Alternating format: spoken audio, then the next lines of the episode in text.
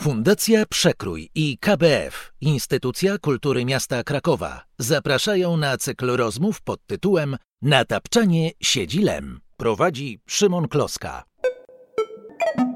Witamy w drugim odcinku podcastu Natapczanie siedzi lem. Naszym gościem dziś jest Tomasz Fiałkowski, wtajemniczonym, znany również jako lektor, czytelnik między innymi Stanisława Lema, którego teksty redagował, wybierał, opatrywał posłowiami i wstępami. Jest on Krakusem par excellence, tym miastem związany z dziada pradziada, e, dłużej niż Stanisław Lem, który e, jednak z Krakowem był mm, związany przede wszystkim i o jego relacjach z Krakowem dziś będziemy rozmawiać, ale w ogóle o miastach Lema, których znowu tak wiele nie było.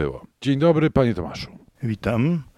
Rzeczywiście tych miast było niewiele, bo w gruncie rzeczy dwa. Powiedzmy, że dwa i pół. Pierwszym jego miastem był Lwów, którym się urodził, którym spędził 20 w miarę no, spokojnych lat życia. Ten rok ostatni nie był za bardzo spokojny, bo to już było po wkroczeniu wojsk sowieckich. Naprawdę dramatycznie zaczęło się latem 1941 roku, y, kiedy do Lwowa wkroczyli Niemcy, a rodzina Lema była rodziną żydowską, więc następne lata to jest fałszywe papiery, ukrywanie się i tak dalej, a na samym początku niemal śmierć. To znaczy czekanie na egzekucję, która się nie odbyła. On to opisał i zakamuflował to w jednej z powieści fantastycznych, co dopiero niedawno jego badaczka Agnieszka Gajewska odkryła. Więc jest ten Lwów, który on bardzo no, melancholijnie i niezwykle ciepło opisał w książce, mianowicie w Wysokim Zamku, jednej z niewielu jego książek właśnie nie należących do gatunku fantastyki naukowej, ani filozofii, ani też baśni fantastycznej. On zresztą, co charakterystyczne, zawsze to podkreślał, że on jest lwowiakiem. Pamiętam, że była jakaś taka historia, że proponowano mu napisanie czegoś do kuli, którą zdaje się miano umieścić na wieży ratuszowej w Krakowie, czy w czy a może na wieży mariackiej, sam już, już nie pamiętam. I on odmówił i potem mi tłumaczył, że on się nie czuje w prawie, bo on, on mieszka w Krakowie od 45 roku, owszem, ale jego miasto to jest Lwów. I nie, nie, nie chcę udawać Krakusa, krakowianina, co nie znaczy, że nie lubi Krakowa, tylko że no, to takie gniazdo jego prawdziwe, to miejsce, do którego on wraca pamięcią i uczuciami, to jest Lwów. Dodajmy jeszcze, że wracał do niego pamięcią w pisarstwie, to znaczy no przede wszystkim w Wysokim Zamku, ale też i tam w paru innych miejscach. Natomiast nigdy już tam nie wrócił fizycznie bo nie chciał. A mógł, ponieważ w latach 60. i 70. był niezwykle popularny y, w Związku Radzieckim. Tłumaczono go na rosyjski i na inne języki. Jeździł do Moskwy, miał spotkania z kosmonautami, jakieś spotkania z młodzieżą na, na Uniwersytecie Łomonosowa i tak dalej. Był tam niezwykle ceniony, zresztą jest nadal, bo on jest popularny w Rosji bardzo. Kiedy jego gospodarze dowiedzieli się, że on właśnie urodził się w Lwowie i tak dalej, to proponowano mu, że poleci do Kijowa, stamtąd zawiozą go do Lwowa, że nie będzie żadnego problemu i tak dalej. Ale on powiedział, że nie, że dziękuję, bo że nie chce odwiedzać tego miasta po latach. Potem zresztą mówił, że, że to trochę jak się jak, jakby się miało kiedyś bardzo piękną narzeczoną, która potem została żoną kogo innego i, i potem nagle proponują, żeby się z nią spotkać. Sam Lem o Lwowie nie dość, że go nie odwiedził, to wprost nie pisał, chyba, no poza tym e, felietonem Moja Lwowska Biblioteka, który przecież późno się ukazał i chyba w listach do Kandla też coś o Lwowie było, natomiast to rzeczywiście zostało jakoś totalnie wyparte, ukryte i nie przewijało się przez jego twórczość tak, jak pewnie by mogło. No, w Wysokim Zamku Lwów jest Lwowem bardzo wyraźnie. To jest jasne, że to o to miasto chodzi. I to jest jedna z niewielu książek, które się w PRL-u ukazały, dziejąca się jawnie w Lwowie. I raczej to był temat chyba niechętnie widziany przez cenzurę Natomiast no, Lem mógł jako pisarz zaetykietowany ku swojej wściekłości zresztą, e, jako pisarz fantastyczny, bo on nie znosił tej etykiety, no mógł sobie może na więcej pozwolić, żeby było jeszcze śmieszniej. Mam to pierwsze wydanie Wysokiego Zamku. Nawet poprosiłem go potem, żeby mi się wpisał po latach, bo to są lata 60. i to wyda wydawcą było wydawnictwo Ministerstwa Obrony Narodowej. Tak, ja mam, ja mam pierwsze wydanie Solaris, tyle odmiany, które też jest monowskie. Muszę powiedzieć, że poza tym, że jest monowskie, bardzo e, ładna jest okładka i oprawa graficzna, co tym bardziej zdumiewa. Z końcem wojny e, Stanisław Lem e, wysiada z pociągu na krakowskim dworcu, no i tu zostaje na dłuższą chwilę, wysiada w towarzystwie rodziców. Tak, wysiada w towarzystwie rodziców. Oczywiście z jakąś tam liczbą przedmiotów, które można było ze sobą zabrać, ale poza tym e, bez właściwie środków do życia. W Lwowie zostaje kamienica, która należała do ojca i gabinet ojca, który był lekarzem, laryngologiem bardzo cenionym i pracującym nie tylko w szpitalu, ale też na wydziale medycznym. Tutaj ojciec zatrudnia się jako zwykły lekarz. W ogóle ich warunki finansowe są trudne, matka nie pracuje. Ilem zaczyna pisać rozmaite rzeczy, także i dla zarobku. To był periodyk chyba co tydzień powieść, która się ukazywała w Katowicach. Tam drukuje y, powieść Człowiek z Marsa, pierwszą swoją powieść w odcinkach, ale drukuje y, wiersze i opowiadania w Tygodniku Powszechnym, no bo wiersze tygodnik mu drukuje, a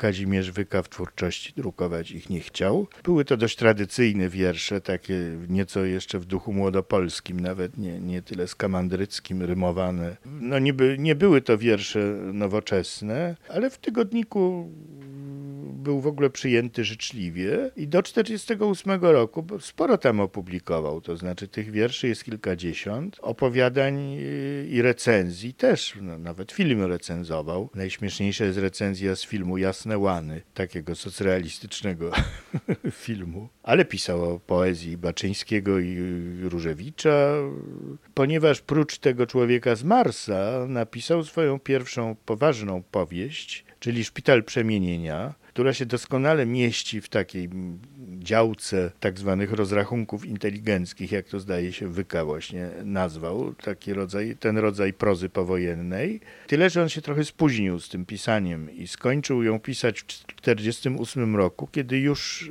zaczął obowią zaczęła obowiązywać doktryna socrealistyczna i chciano na nim wymóc, żeby zmienił trochę akcję i żeby bohater e, Stefan Trzyniecki, który trochę może jest jego alterego, a trochę nie, bo był specjalistą od komplikowania i kamuflowania e, rozmaitych spraw i wątków autobiograficznych, e, więc proponowano, żeby Stefan Trzyniecki jednak odnalazł swoją drogę do e, komunizmu. Lem powiedział, że on w tym, co napisał, nic nie zmieni, natomiast, że no może napisać jakieś dalsze ciągi. No i dosyć to jest śmieszna historia, bo napisał rzeczywiście dalsze ciągi, to znaczy do jednego tomu dodał jeszcze dwa. I w końcu wszystko razem się ukazało jako bardzo gruby buch zatytułowany Czas nieutracony, ale dopiero w 1955 roku. Czyli, że już wtedy ten szpital przemienienia mógłby bez tych dodatków być wydany, no ale już dodatki zostały napisane. Dodajmy zresztą, że skoro mówiliśmy o Lwowie, to w tych dodatkach Trzeci tom jest, szczerze mówiąc, bardzo niedobry i już y, sam Lem od lat 60. nie chciał go nigdy wznawiać, ale drugi tom, którego nie chciał wznawiać również, zawiera w sobie bardzo interesujący materiał dotyczący właśnie wojny w Lwowie i jego własnych przeżyć, które uczynił przeżyciami y, swojego bohatera. Także kiedy wydawano dzieła zebrane, które opracowywał y, dla WL-u Jurek Jarzębski, najznakomitszy polski lemolog niewątpliwie, udało mu się przekonać Lema, że wprawdzie nie włączono tych dwóch dodatkowych tomów do dzieł, ale wyjęto ten najważniejszy fragment z drugiego tomu i dano jako osobny kawałek prozy w takim tomie zbierającym rozmaite rozproszone opowiadania. Bardzo to jest skomplikowana historia, bo e, Lem od różnych rzeczy się odżegnywał i był wtedy dosyć uparty. Wróćmy jeszcze na chwilę do Krakowa i do tego powojennego okresu. Lem tu podejmuje studia e, medyczne, których e, nie kończy, ale też znajduje pierwsze swoje krakowskie adresy. Jak to wyglądało? Gdzie, gdzie oni na początku mieszkali? Zacznijmy od tych studiów może, bo on studia e, rozpoczął w Lwowie. To znaczy rozpoczął pod rządami sowieckimi. Tam rok studiował. Zresztą studiował nie bardzo z wyboru, to znaczy on wcale nie chciał być lekarzem i wcale nie zamierzał studiować medycyny. Chodziło raczej o to, żeby uniknąć powołania do Armii Czerwonej.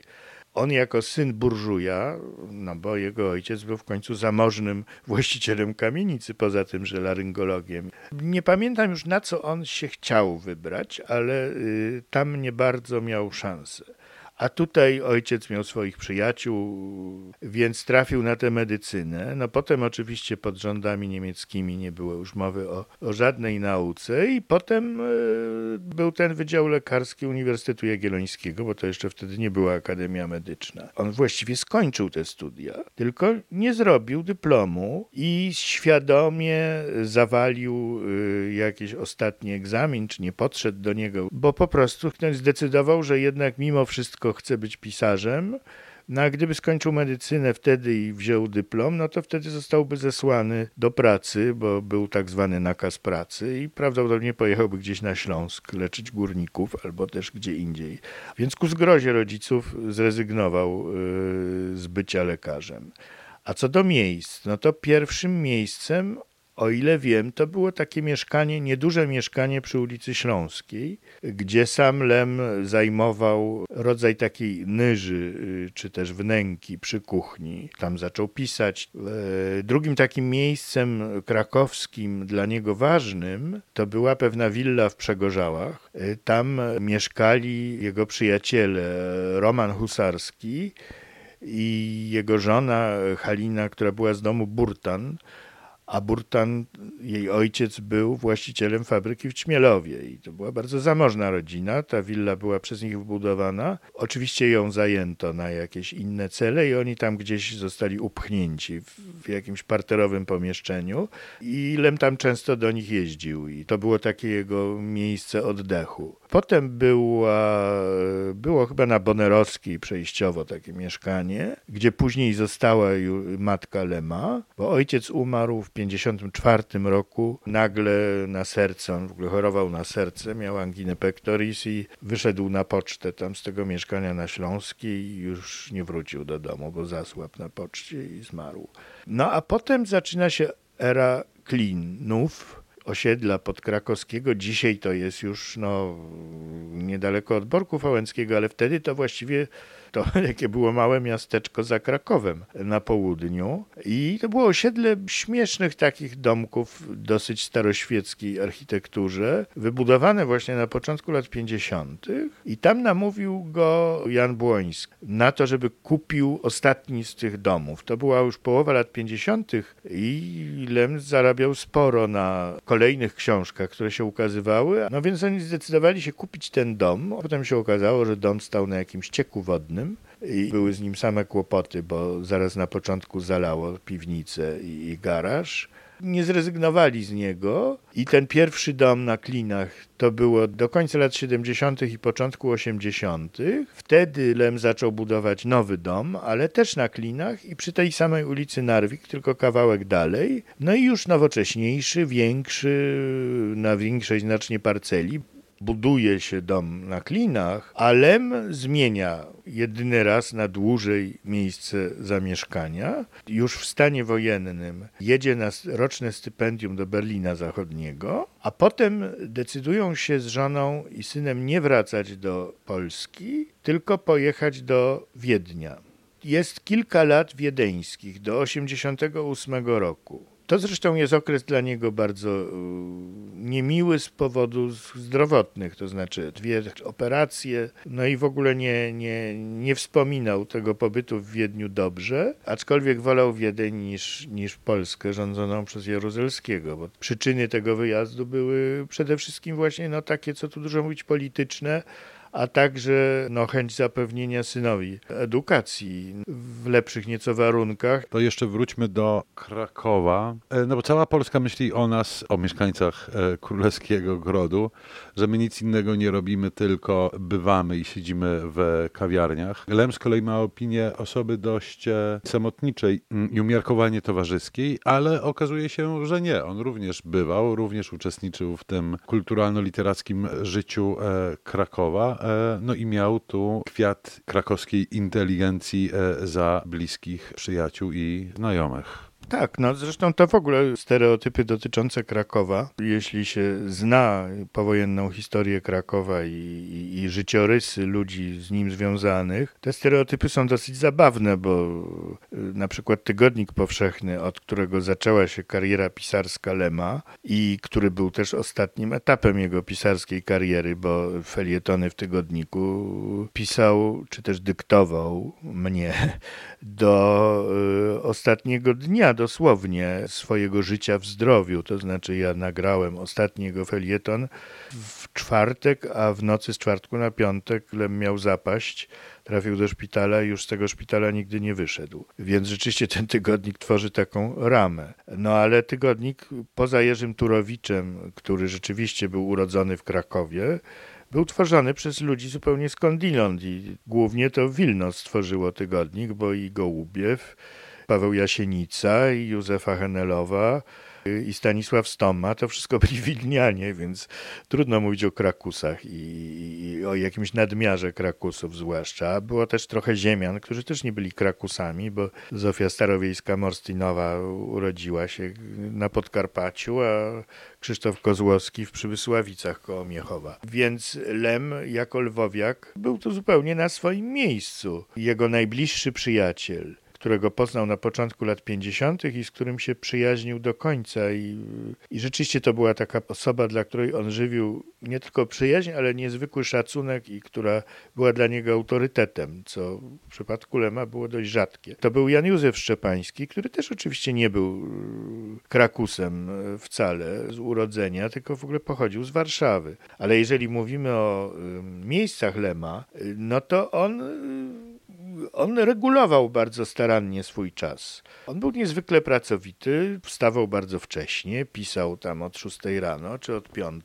To jeszcze jedno takie dojazdowe miejsce Lema, czyli Zakopane, trzeba wspomnieć bo on jeździł chętnie do Zakopanego, mieszkał w Astorii albo w którymś z innych domów tak zwanej pracy twórczej, przy czym o ile na ogół goście tych domów pracą twórczą w Zakopanem się specjalnie nie zajmowali, tylko raczej właśnie życiem towarzyskim albo nartami, to Lem łączył jedno z drugim, to znaczy on owszem jeździł na nartach, chodził po górach, ale przede wszystkim wstawał rano i pisał. Bywalcy tych domów wspominali zawsze, że od bardzo wczesnych godzin rannych słychać było stuk maszyny do pisania tylko z jednego miejsca, czyli właśnie z pokoju, w którym mieszkał Stanisław Lem. A jak się czyta jego powieści z najlepszego okresu, to tam często jest właśnie zakopane jako miejsce ukończenia. Tam jakby finalizował kolejne swoje książki.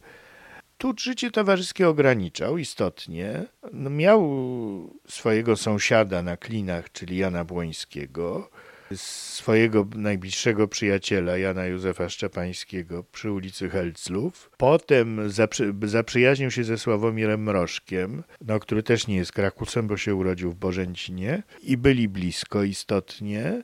I jeszcze można by wymienić szereg, szereg osób. No ta redakcja tygodnika, on bardzo ją zawsze wspominał z rozrzewnieniem. Twierdził, że pani Zofia Starowiejska-Morstinowa była osobą nadludzkiej dobroci i wyrozumiałości i że jak on wydał astronautów, to napisała w tygodniku, że znać w tej powieści ślad lwiego pazura, co Lema bardzo wzruszyło, zważywszy, że on sam jej tak za bardzo tej powieści nie cenił.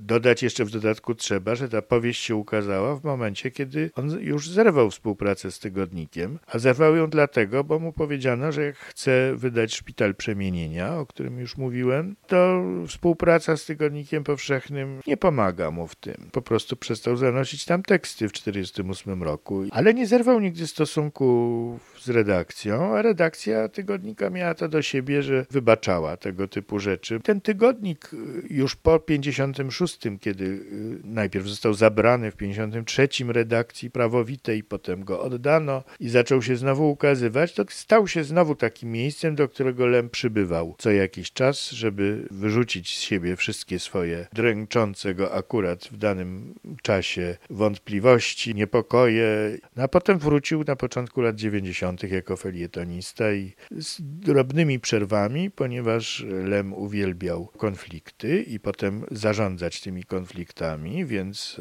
e, czego ja doświadczyłem na własnej skórze również, więc co jakiś czas te felietony się urywały, ale potem Lem wracał. No i na szczęście ostatnia faza była bardzo taka pokojowa. On brał nawet udział, y, myślę o latach 50., wczesnych, w takim, jakby to powiedzieć, instytucjonalnym życiu literackim, czyli życiu Związku Literatów Polskich. Bywał przecież na legendarnej, e, w legendarnej kamienicy przykrupniczej, e, gdzie wtedy co drugi polski pisarz i pisarka mieszkali, e, ale rzeczywiście pojawiał się też na oficjalnych wydarzeniach organizowanych przez Związek wtedy. Tak, no on zresztą był w ogóle, należał do koła młodych. Potem go wyrzucili, dlatego że nie miał publikacji, no bo właśnie ta Szpital Przemienienia się nie ukazał. Potem go przyjęli ponownie. Był członkiem Związku Literatów do jego rozwiązania w 1983 roku, a potem został członkiem Stowarzyszenia Pisarzy Polskich, w którym już nie działał i w ogóle on nie miał temperamentu działacza. A poza tym, no to też jest ważne, że on w pewnym momencie po prostu przestał pisać prozę beletrystyczną. I była to jakaś taka świadoma decyzja, chociaż nie wiem, nie, chyba nie podejmowana z dnia na dzień, że teraz już nic nie napiszę, tylko po prostu jakby zmęczył się tą formą, miałem wrażenie. I potem już się spalał właściwie tylko w publicystyce pisząc do Odry, pisząc do, to się PC Magazine nazywał, no do Tygodnika Powszechnego właśnie, więc sporo, na, bardzo dużo powstało, ale to były rzeczy już później dyktowane. Zresztą on także swojemu sekretarzowi dyktował jedną z ostatnich swoich książek, takich całościowo napisanych, czyli Okamgnienie.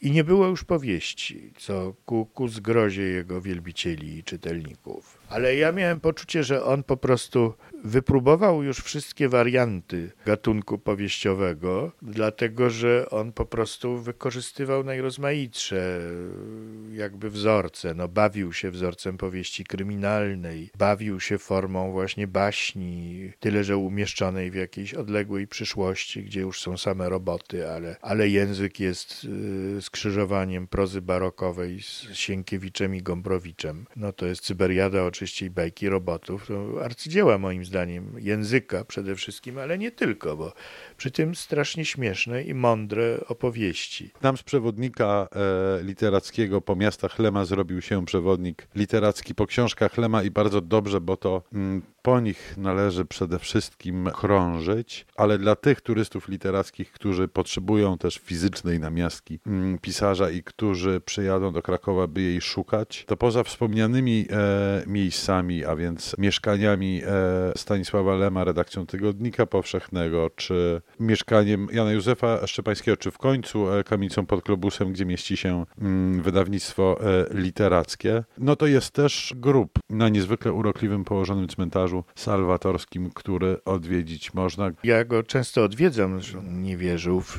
życie pozagrobowe i, i był ateuszem, natomiast y, uważał, że no, dobrze jest w ładnym miejscu mieć grób i że to jest najładniejsze z możliwych, więc pani Barbara, wdowa po nim, e, już też nie żyjąca dzisiaj, e, no od razu wiedziała, odrzuciła propozycję miasta, bo miasto oczywiście proponowało aleje zasłużonych natychmiast i tak dalej, no ale ona tego nie chciała, no i udało się kupić po prostu parcelę na e, cmentarzu salwatorskim. No i tam zrobić ten nagrobek, który jest niebywałym miejscem rzeczywiście i on jest po prostu zawsze starannie zagospodarowany przez gości. To są oczywiście lampki, no to są kwiaty, y, Następnie są kamyki, co jest związane z obyczajami cmentarnymi żydowskimi, aczkolwiek Lem y, był, że tak powiem, niewierzący w sensie szerokim. Jakakolwiek religia go niespecjalnie interesowała, judaizm też ale już po prostu nadzwyczajną rzeczą są rozmaite przedmioty, które tam bywają składane przez gości. Ja znalazłem dwukrotnie przynajmniej statki kosmiczne z klocków Lego. A jeszcze śmieszniejsze i bardziej wzruszające są słodycze, czekolady w szczególności i marcepany, ponieważ wszyscy, którzy uważnie czytają Lema, y, wiedzą, że on był ogromnym łasuchem i pani Barbara właśnie mówiła, że jej mąż powinien mieć tytuł honorowy opiekuna słodyczy, tak jak były rozmaite tytuły dworskie, które się przyznawało, no to, że dla niego ten tytuł byłby właściwy. Prawdę mówiąc, najdramatyczniejsze chwile jego życia kojarzyły mu się często właśnie z jedzeniem. Pamiętam dwa takie opisy z, z, rozmów z nim, oba z okupacji właśnie, y, która dla niego się zaczęła, zaczęła no koszmarem, czyli tą egzekucją, do której ostatecznie nie doszło. Jest na przykład scena, gdzie on u pewnej starszej pani, zapewne to była pani, która która e, udzielała mu wtedy schronienia. Ogląda przez okno łapankę na ulicy, ale on pamięta, że to się równocześnie kojarzy z e, bardzo dobrymi naleśnikami, które ta pani usmażyła i które on je. A potem jest inna historia o tym, jak właśnie Armia Czerwona już zbliża się do Lwowa, są naloty, są alarmy bombowe i on zbiega z mieszkańcami kamienicy, w której wtedy akurat mieszkał, też pod zmienionym nazwiskiem oczywiście, do piwnicy trwa bombardowanie, a on nagle sobie przypomina, że w kuchni, w mieszkaniu, w którym mieszkał, został wielki garnek z barszczem, bardzo dobrym. I jego nagle opanowuje myśl o tym barszczu, który tam czeka na niego i wychodzi z piwnicy, wybiega na górę, wchodzi do tej kuchni, bierze filiżankę, zanurza w garnku, nabiera barszczu i już chce go pić. W tym momencie trafia bomba w jedną ze ścian tej kuchni. On traci na chwilę oczywiście świadomość, a kiedy się budzi, to już nie ma tej ściany i on ma tylko takie uszko na palcu od tej filiżanki, no bo filiżanka razem z barszczem też zniknęła.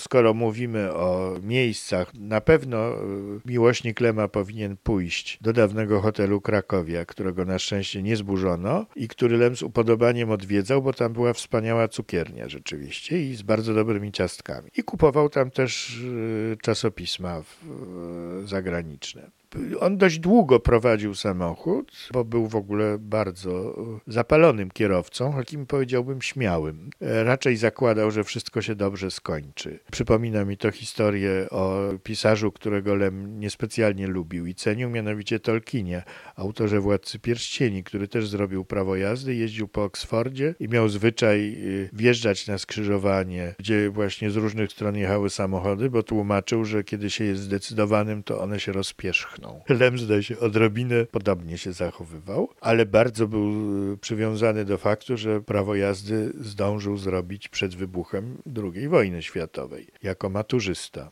No i prowadził swojego Mercedesa, bardzo ulubionego. Potem to już właściwie on no, rezydował w, w, tym swoim domu, który z dzisiejszej perspektywy nie jest żadnym pałacem, ale jest bardzo ładny i wygodny. I na piętrze w swoim gabinecie, w który istnieje do dzisiaj i ma dwie kondygnacje, bo ma antresolę z książkami i ma takie olbrzymie okno, okno drzwi na balkon wychodzące, gdzie on dokarmiał ptaki. No i tam siedział i tam właśnie jak taki mędrzec w wieży obserwował świat, Ci, których chciał wpuszczać, do niego przychodzili.